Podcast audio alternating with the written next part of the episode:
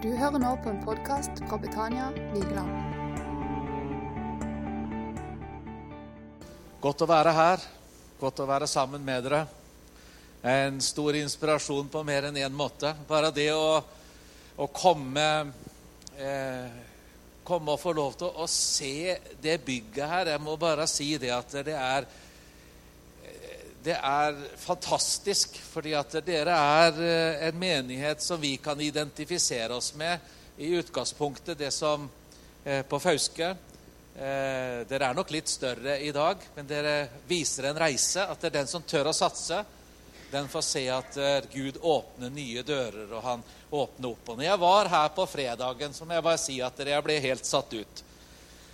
Det er altså så utrolig. Sist jeg var her, så var jeg med på fredagen, og da var det oppe på eh, loftet her, og det var noen ungdommer som, som var der. Eh, og eh, sånn er det i veldig mange menigheter.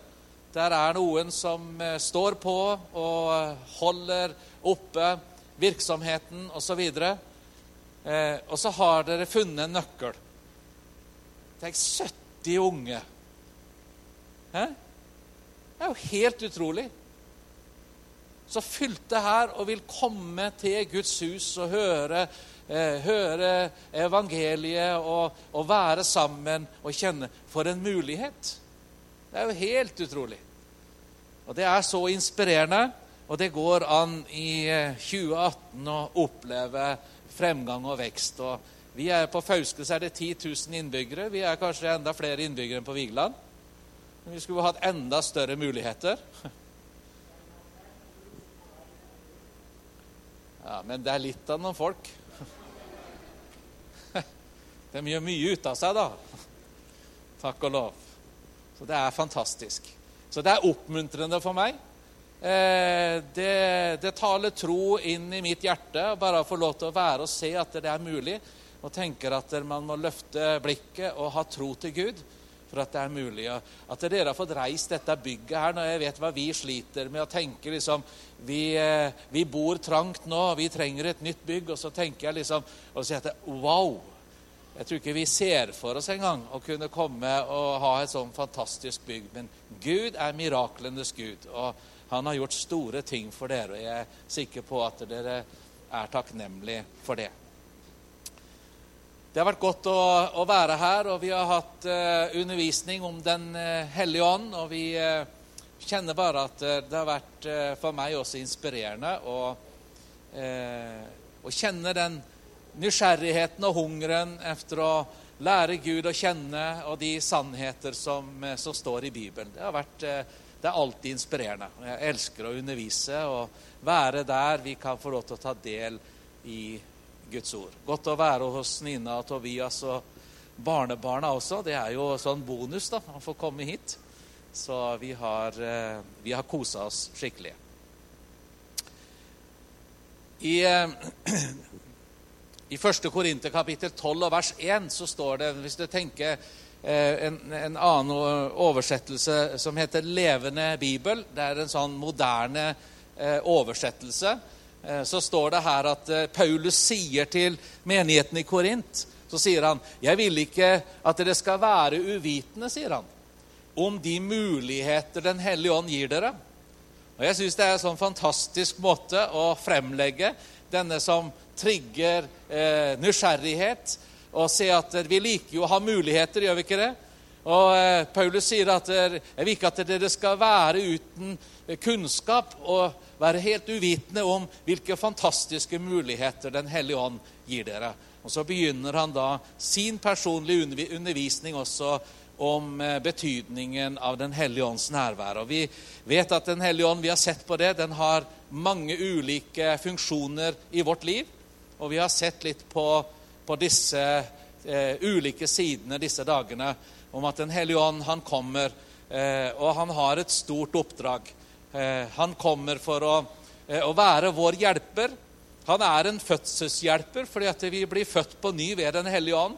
Han er, han er med å skape denne forløsningen av himmelen i vårt liv. Og når han har vært med og skapt liv, så er han med oss og skaper dette abba-ropet i hjertet. Dette kjære pappa, at vi kjenner barnekåret, sier de i Romerne 8.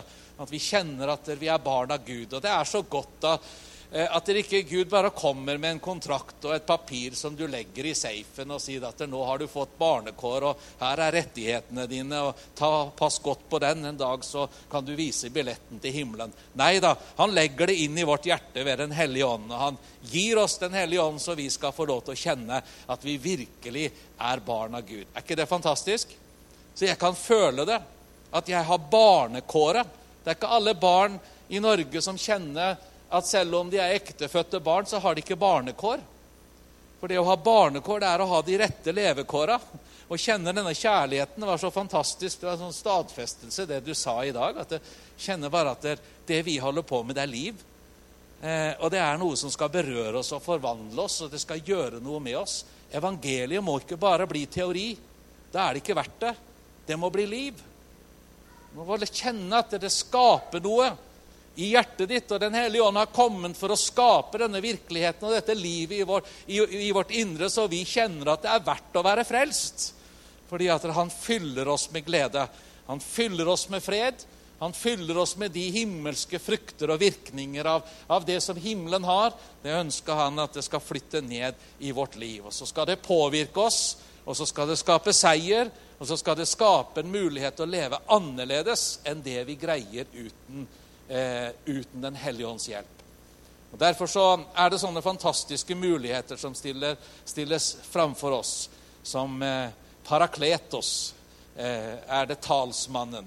Han er hjelperen vår. Som, han er advokaten vår. Han kommer med det vi trenger. og Derfor så, så bør det oppmuntre oss til å søke han og leve et rikere liv. Og denne lengselen, den har, eh, den har gått Den er jeg gått og kjent på i, i vinter, faktisk, for min egen del. Det er noen år siden jeg ble frelst. Takk og lov, jeg har fått lov til å oppleve mange rike stunder. Jeg har opplevd også krevende tider. Og jeg har kjent at det da også bærer evangeliet meg. Men jeg har kjent og smakt så mye av det som himmelen har å tilby at jeg vet hvor fantastisk det er. Når det er sånn oppdrift i livet, at det, er ting som bare liksom bærer deg. Og Du kjenner at det er ikke å ta seg sammen og prøve liksom å, å være kjekk og grei og, eh, og gjøre de rette tinga. Men det blir din lyst og din glede, og det blir din første prioritet. Fordi at det som bor i deg, er så sterkt at du kan ikke la være. Og du vet, Det, er noe så flott med nyfrelste og, eh, og, og, disse som har blitt berørt av Jesus. Det er klart, eh, Dere har vel hatt besøk av evangeliesentergutter og -jenter her også? Og Det er jo liksom, det er jo uslåelig å sitte og høre mennesker som har blitt reist opp fra rennestein og fra et ødelagt liv, og liksom virkelig få se hva evangeliet kan gjøre. Bli ikke sendt på metadon og på alle mulige erstatninger og prøver liksom å, å få det til å, å, funke. Det er ikke sånn evangeliet er. Nei, det har kraft til å forvandle et menneskes liv. Det har kraft til å gi en ny start. Det har kraft til å slette ut det gamle og sette inn det nye. Det kan det kan gjøre det umulige mulig, og det er noen sterke vitnesbyrd. Og, og, jeg takker Gud for evangeliesenteret, som kan gi oss en oppmuntring og en hilsen. At når Gud kan gjøre så store ting at han kan ta de som på en måte ikke har noen ting igjen, og så gi de et nytt liv og retning. Og jeg har sett hva Gud har gjort i disse, og reiser de opp som, som mektige vitnesbyrd og putter ordet i, i deres hjerte, og de får lov til å tjene Jesus. Og du glemmer hvor de har vært hen. Det er et fantastisk vitnesbyrd. Om du er menighetsbarn som jeg er, og alt dette her, så har jo vi den samme kilde. Vi må ikke glemme det. Vi har den samme muligheten, og, eh, og, og Den hellige ånd er en mulighet for oss. Vi må ikke gå glipp av denne muligheten som Den hellige ånd er for oss til å leve på et høyere plan, til å kjenne en sterkere glede, en dypere fred og en, en større kjærlighet og en større kraft i livet enn det som vi ellers kan greie å, å, å få til av oss selv og få tak i. Så sier jeg det at jeg har gått og hatt en, eh, en lengsel i, eh, i meg for eh, det, er jo ikke, det er jo ikke tvil om at du kjenner at det er tider som, eh, som Den hellige ånd har fått lov til å, å, bevege seg sterkere i landet vårt og skapt en tørst og en lengsel. Og jeg fikk lov, som jeg vitna om en kveld, jeg har fått lov til å oppleve eh, at i min ungdomstid da var det en veldig sånn en oppvåkning i, eh, i Norge på slutten av 70-tallet og alt dette her. Så, så, jeg kunne reise og kjenne det at eh, jeg, fikk, jeg fikk dekka min tørst, og det forvandla mitt liv. Men så kan du komme til et sted eh, som eh, kanskje ikke er så, så kraftfullt som det burde være. Og Jeg tenkte på en tekst fra profeten Jonah i dag som jeg har lyst til å, eh, å, å dele med dere. Eh, Jonah kapittel 2, og vi skal lese der vers 8 og til 10 med hverandre.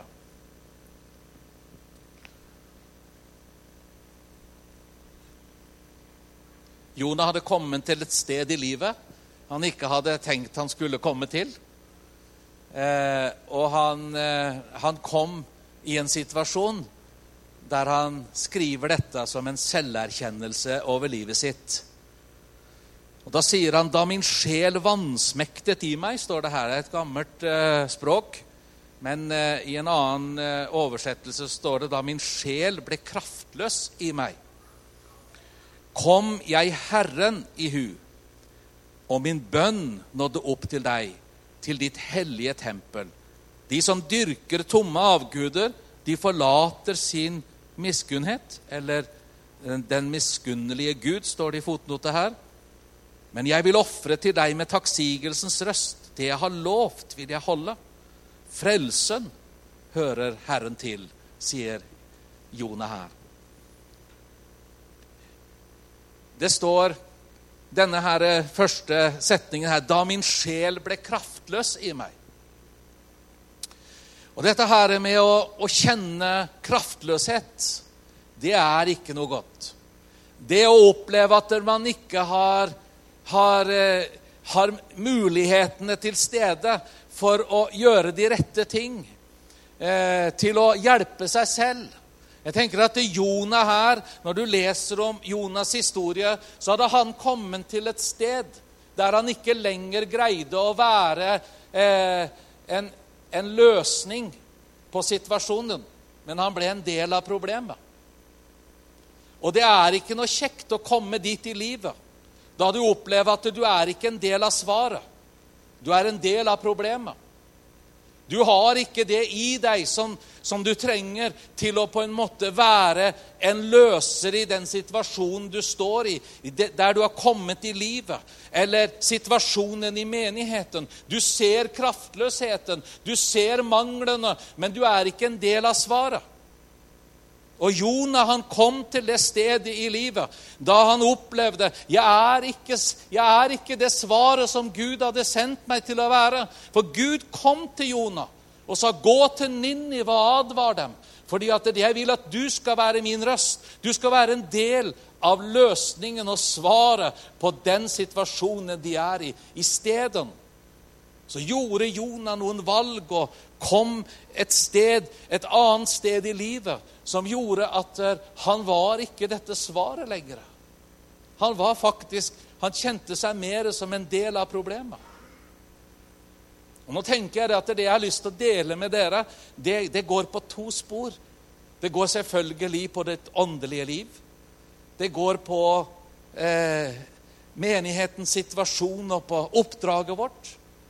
Men du vet at Gud er jo ikke sånn at han, han tenker at det, bare det som skjer her på søndagene når du er her inne, så er det viktig for han. Noen ganger så kan vi, vi, vi, vi komme dit hen som pastorer og som menighetsledere osv. at det, det virker nesten som at du bare er viktig når du er her.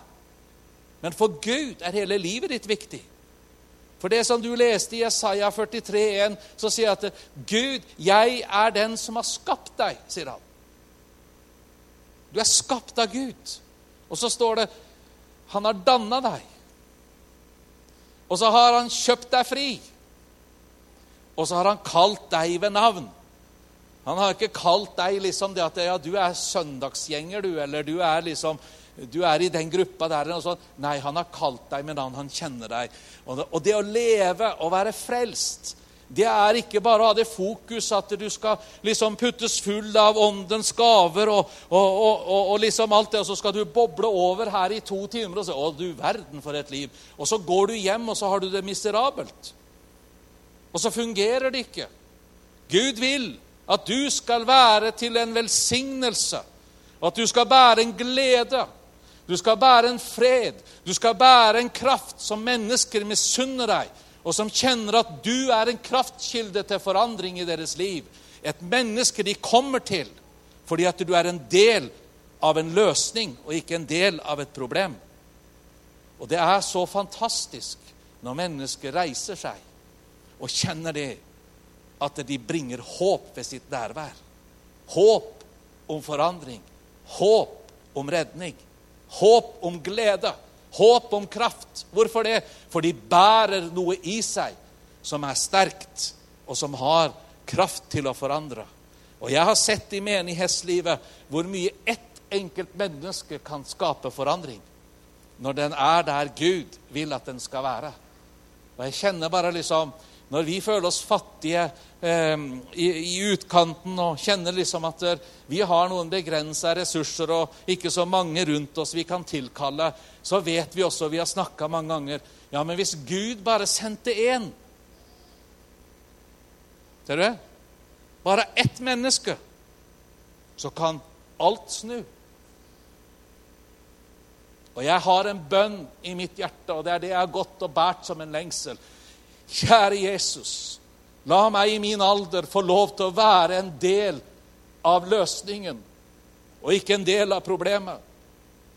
La meg være en som kan komme med løsninger og forandringer i vår tid, og ikke en som må definere meg selv og si ja, jeg ser at vi er i en ulykke, men jeg kan ikke gjøre noe med det. Jeg er i grunnen bare en del av problemet. Jeg kjenner en sånn desperasjon at jeg har ikke lyst til bare å se meg tilbake og tenke det var tider, det, du. Jeg ønsker å kjenne at jeg lever og tror på en Gud som sier 'Jeg er i går og i dag den samme, ja, til evig tid'. En Gud som er. Ikke som bare var, men som er for meg, og som er en del, halleluja, eh, av min framtid. Takk og lov. Jeg tenker på Jonah. Hvis du går til det første kapittelet, så vet du det at han var så klar over at han hadde kommet ut av kurs i forhold til der Gud hadde tenkt han skulle være i livet. Han var, han var egentlig så klar over det. Og Allikevel så, eh, så, greide han på en måte ikke å gjøre noe med det.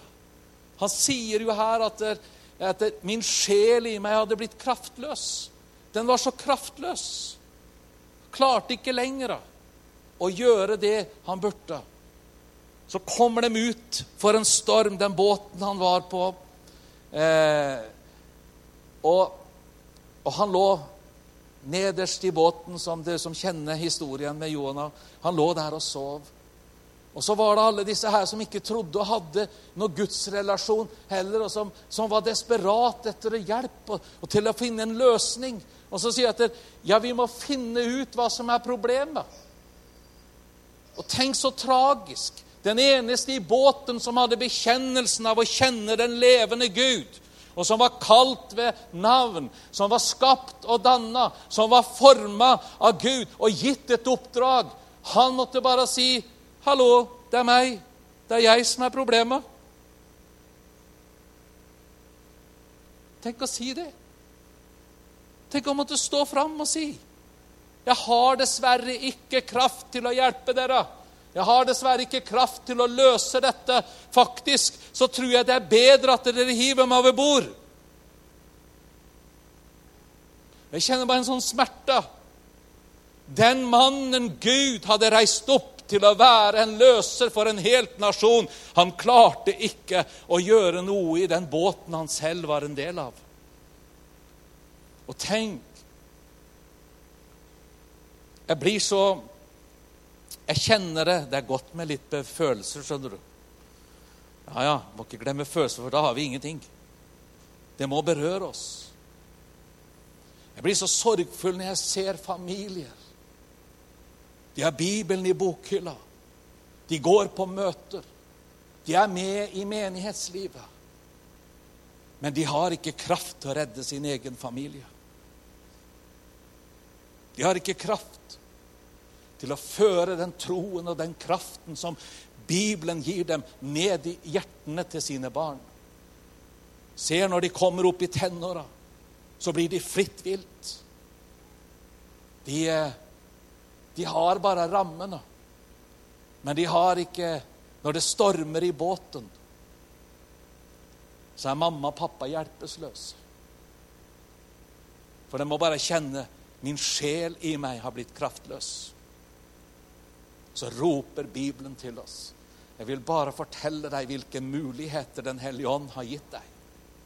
Hvilke muligheter som står foran deg til å leve et liv der du blir en som er svaret på problemene, som er en løser for mennesker, som kan gjenløse og være med og danne en forskjell istedenfor å være et problem. Jonah kom, han var ærlig. Og jeg vet at det er mange som har, har kommet dit hen i livet at det, de er ærlige med seg sjøl. De gir seg ikke ut for å være så åndelig. Gir seg ikke ut for å ha så veldig mye kraft. Men det er jo sorgfullt hvis du går gjennom livet med en bekjennelse at min sjel er kraftløs. Jeg vet på hvem jeg tror. Jeg vet at Jesus døde på Golgata. Han avvæpnet makten og myndighetene. Han stilte alt åpent lys til skue da han viste seg som seiersherre. Og jeg vet at denne seieren har han gitt til meg. Jeg vet at han har sagt at dere i, i mitt navn skal dere gjøre store ting. I mitt navn kan dere legge hender på de syke, og de skal bli helbredet. Jeg vil gi dere kraft, jeg vil gi dere av den ånd. Men sorry, min sjel er kraftløs. Så er du syk, så må du gå til noen annen. Trenger du hjelp for din sjel, og er du i nød? Jeg kan gjerne be for deg, men det er bedre om du går til han og ber om at han ber for deg. For mitt liv er så kraftløst.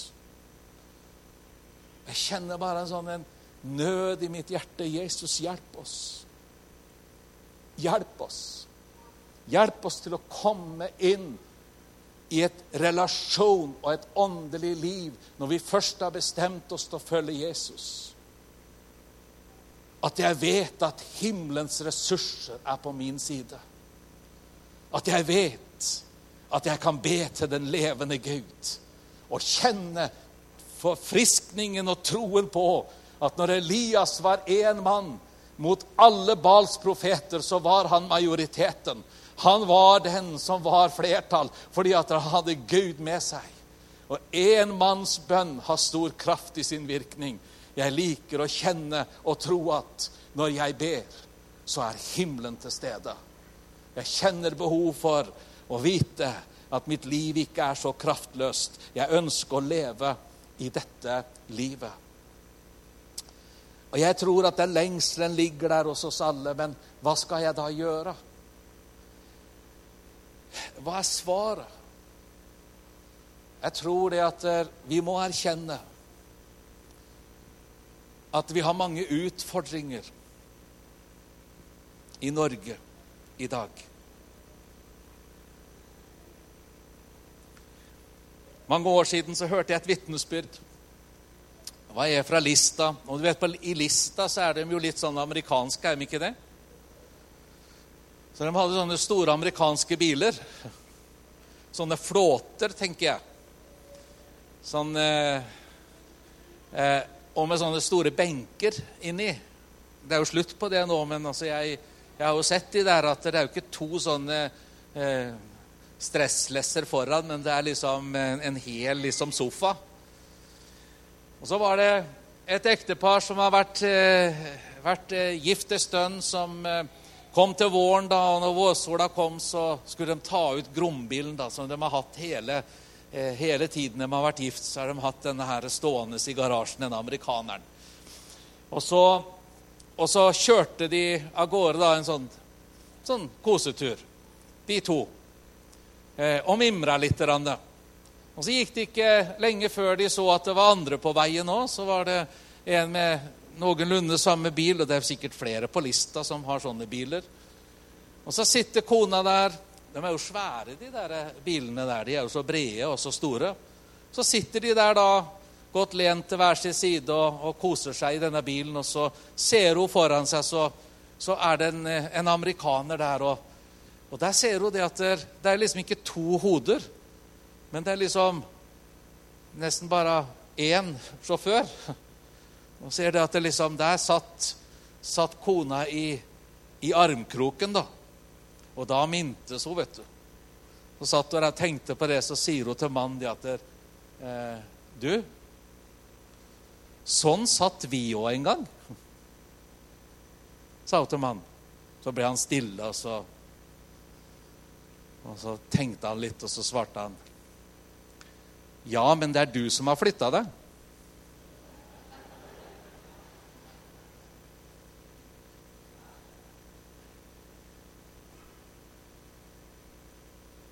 Og det er sant. Jeg har lyst til å si til deg om din relasjon til Jesus har blitt annerledes, så er det ikke han som har flytta seg. Det er det du og jeg som gjør. Så vi kan sitte med en lengsel etter det var en gang. Da jeg kjente det var annerledes, da det brusa, da det var liksom denne nerven i mitt liv, denne gleden, denne, denne, denne freden som var på en måte dypere. I dag så er jeg glad. Jo, vi har det godt i Norge, men jeg kjenner, skal jeg være ærlig, så er det en glede som cruiser litt på overflata. Det er liksom ikke noe som går og griper mitt hjerte så veldig dypt. Jeg kjenner freden. Jeg har det egentlig godt, og vi lever godt i landet, men jeg kjenner på en måte at det der er tider da ikke freden min er sterk nok til å bære meg, som jeg vet den en dag gjorde. Jeg kjenner også at jeg skulle bare hatt så mye mer kraft til å gjøre det jeg ikke greier. Og da er det nok sånn, dessverre, at savner du noe, så er det ikke Jesus som har flytta seg i livet ditt, men det er vi. Og velstanden og det som vi føler, det kan gjøre noe med oss. Jeremia kapittel 2 og vers 2 så står det Gå av sted og rop ut for Jerusalems ører og si, så sier Herren, jeg kommer i hu din ungdoms hengivenhet, din trolovelsesdagers kjærlighet, hvordan du fulgte meg i ørkenen, i et land hvor ingen sår. Jeg kommer i hu din ungdoms hengivenhet. Og dette kan jo gå på ekteskapet ditt, det kan gå på relasjoner, det kan gå på åndslivet ditt. Kanskje du husker at det var en ting da det bobla litt mer enn det gjør i dag. At du kommer i hu at det var en tid, en trolovelsestid. Hva er det å bli trolova? Jo, trolova, det er løftenes tid. Det er håpets tid. Det er når man knytter en framtid sammen. Da man bestemmer seg for hvor man vil gå hen i livet hvilke mål man har. Og jeg husker det så godt. Vi gikk lange turer, og Toril og jeg og Elin Nine her. Ja, gå ut. Eh, og vi drømte. Vi snakka om hvor mange barn vi skulle ha, og huset vårt og framtiden og hvordan vi skulle ha. Og vi kjente bare det var godt å gå sånn hånd i hånd og kjenne det at vi skulle bygge en framtid sammen. Det var liksom kjærlighetens tid. Det var håpets tid. Det var en sånn en glede bare å få lov til å være til. Og Sånn var det også når jeg møtte Jesus, og når jeg opplevde denne her gleden, når jeg liksom kjente den tid da jeg knytta, jeg knytta løfter til Jesus i livet mitt. Jesus, jeg vil leve for deg. Jeg vil tjene deg. Jeg kjenner at de drømmer du har lagt ned, det ønsker jeg skal realiseres. Du sier du vil velsigne mitt, mitt liv, og du vil signe min framtid. Jesus, jeg vil se det realisert i livet mitt. Jeg vil se at det gror der jeg går. Kjente det var sånn.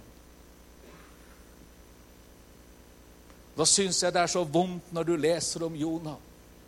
som sitter der og har alle disse løftene om en framtid, så sier han min sjel er blitt så kraftløs.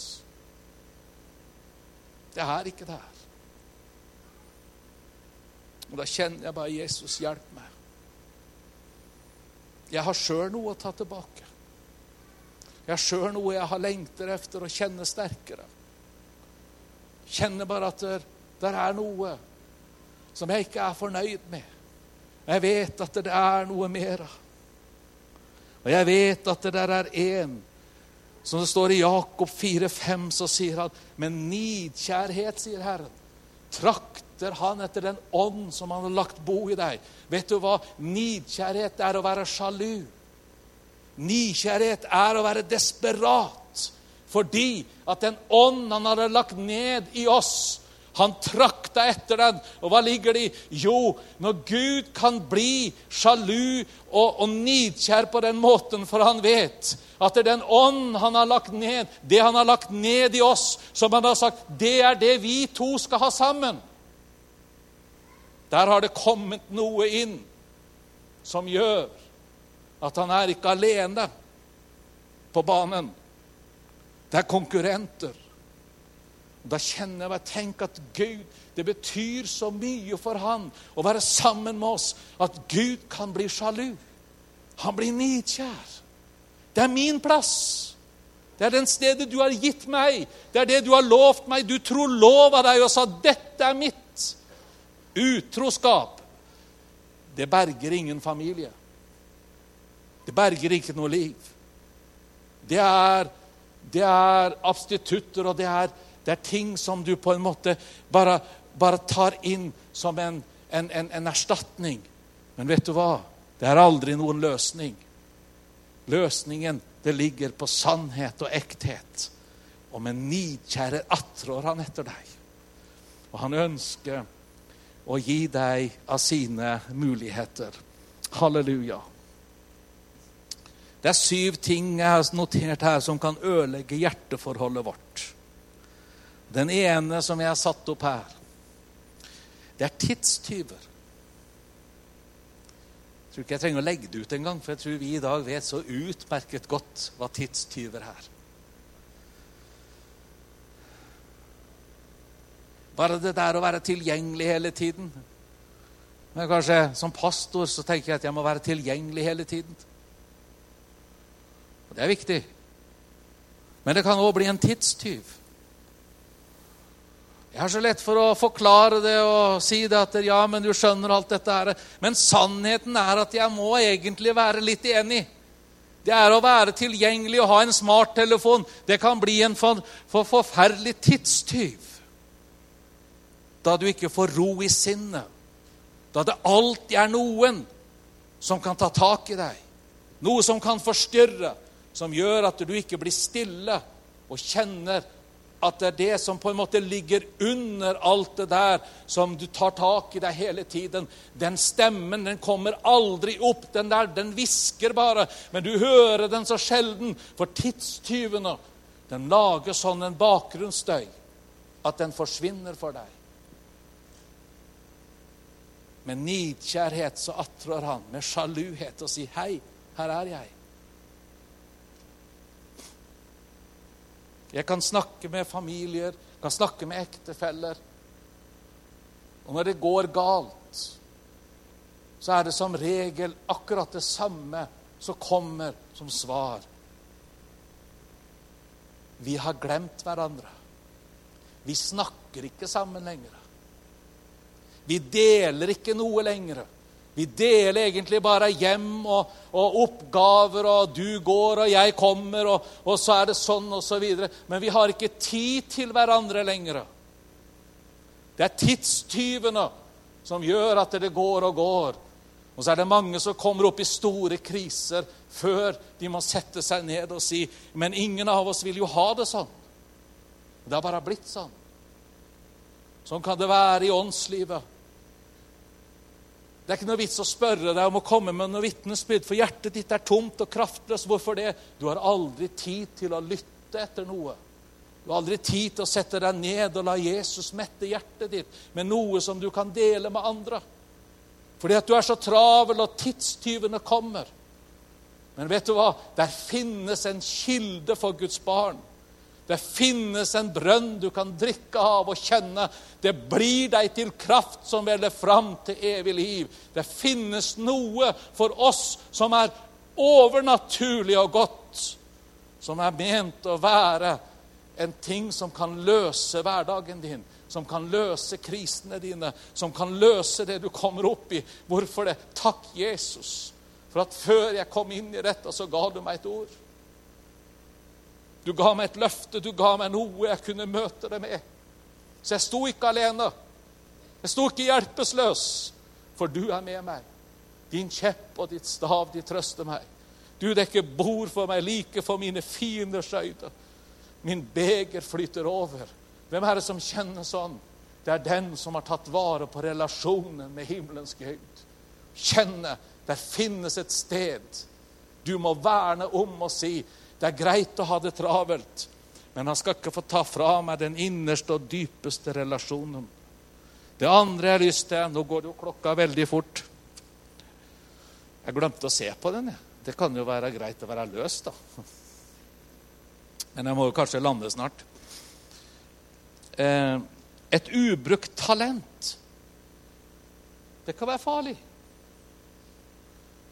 Etterspurte ting. Vet du hva? Jeg tror Gud har gitt alt det denne her menigheten trenger. Full av talenter, full av gaver. Det er jo ikke bare menigheten som tar skade, og Guds sak tar skade når ikke talentene brukes. Men vet du hva? Den som gir, han får. Den største kraften til velsignelse og til å komme inn, det er å bruke de gavene og talentene Gud har gitt deg, og investere deg for det som kan løse mennesker i 2018, og som kan være en redning for din familie. Lær dem den vei de skal gå, så viker de ikke fra den når de blir gamle. De får det i ryggraden.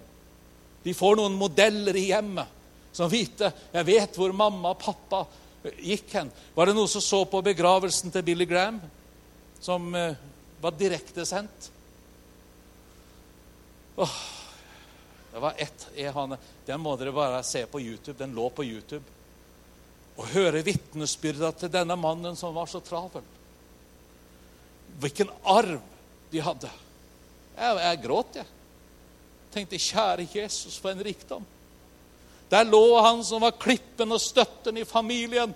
Men de sørga ikke. De sa, 'Pappa, nå er du hjemme. Vi kommer efter.' 'Men vi skal ta det videre, det du har gitt oss.'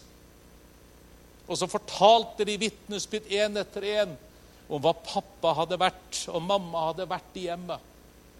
Som de i dag kunne leve ved. Mamma som hadde lært dem å lese Guds ord. Sette sitt eget navn Dattera sto og sa, 'Mamma lærte meg å gjøre Bibelen personlig og si det var meg det var snakk til.' Pappa lærte meg å stille spørsmål til det jeg leste. Så viste hun dette her. Og så var det en som var mislykka, og som hadde feila i livet, en av datterne til den store predikanten. Så sa han når jeg kom hjem med mitt mislykka liv, så lærte pappa meg å se Guds kjærlighet. Tenk for en rikdom som Gud har gitt oss som tror. Til å ikke være kraftløse, men kjenne kraft, kjærlighet og sindighetsånd til å stå der andre faller. Det tredje er ubekjent synd. Den vil aldri forsvinne hvis du tror at synd går ut på dato. Det er bare én måte å bli kvitt synd på. Det er å la blodet ta det og vaske det vekk. Dersom vi bekjenner våre synder, så er han trofast og rettferdig, så han forlater oss syndene. Han er en som elsker deg, og han ønsker å løse ditt liv fra all ugudelighet. Men den må erkjennes for hans åsyn. Stolthet står Gud imot. En uløst konflikt. Er det noe livet mitt har lært, så er det hvor vanskelig det er med familie, med venner og med alt. Hvor lett det har til å komme opp noe som ligger der, og som på en måte binder hjertet mitt, og som ødelegger fordi at konflikten ligger der. Og hør her. Det er djevelen som sier til deg at denne konflikten, der er alle andre skyldige, og du er den rettferdige. Du har alltid ansvar for ditt eget hjerte. Du har ansvar for å løse ditt eget liv. Du trenger ikke andres unnskyldning for å leve i frihet. Du er kald, og du har ressursen fra Gud til å løse din konflikt i hjertet, så du får hat og vondhet og bitterhet bort, og du kan begynne å elske. Og vet du hva? Den som elsker å åpne sitt hjerte, han har både tilgivelse og kraft til å løse andre mennesker. Du er ikke kalt til å leve i konflikter. Du er kalt til å be Jesus om hjelp til å løse dem, og det gjør du ved å løse ditt hjerte og si, 'Herre, jeg vet at det her var ikke min feil bare, at de har såra meg, alt dette her, men jeg vil ikke ha en bitter ånd. Jeg vil ikke spre dette rundt meg. Jeg vil ikke være kjennetegn på at jeg går i konflikter med noen verdens ting. Og jeg ønsker Jesus, løs meg, så jeg ikke blir en del av problemet men jeg blir en del av løsningen. Halleluja. Hjelp meg å løse min familie og mine slekters gang. At barn og barnebarn ikke går og er prega av en gammel konflikt i familien, men de ser der er høvdinger, der er menn og kvinner i min familie som går inn for nådens trone og finner hjelp, og som har løsemakt. For vi skal være et frigjort folk. Jeg ønsker ikke å ha den bønnen som Jonas hadde over livet sitt. Min sjel vansmekter i meg. Jeg er kraftløs. Jeg ønsker å kjenne liv og overflod av liv. Halleluja. De mulighetene har Gud satt foran oss ved Den hellige ånd. La oss bruke dem. La oss bruke dem. Halleluja. Halleluja. Og her er det femte, da. Det er vår livsstil. Vet du hva? Når vi skal tjene Herren, når vi er pastorpar, så må vi ha bare gjort det opp med oss. Det er ikke alt vi kan gjøre. Det er ikke alt vi kan eie. Det er ikke alt som er bra for oss. Fordi at det, er bra å ha det, og det er bra å ha det, osv. Men vi vet at hvis vi skal fylle livet vårt med alt dette og ha en livsstil som denne verden har, ja, da smuldrer tjenesten vår opp. Og da går kraften ut av den. Så en livsstil som gir deg kraft til å leve rett, det er en livsstil som setter Jesus på førsteplass. Og si 'Jeg tillater ingenting i livet mitt som river Jesus ned fra troen. Min og min families førsteplass, første ting, det er halleluja å tjene Jesus.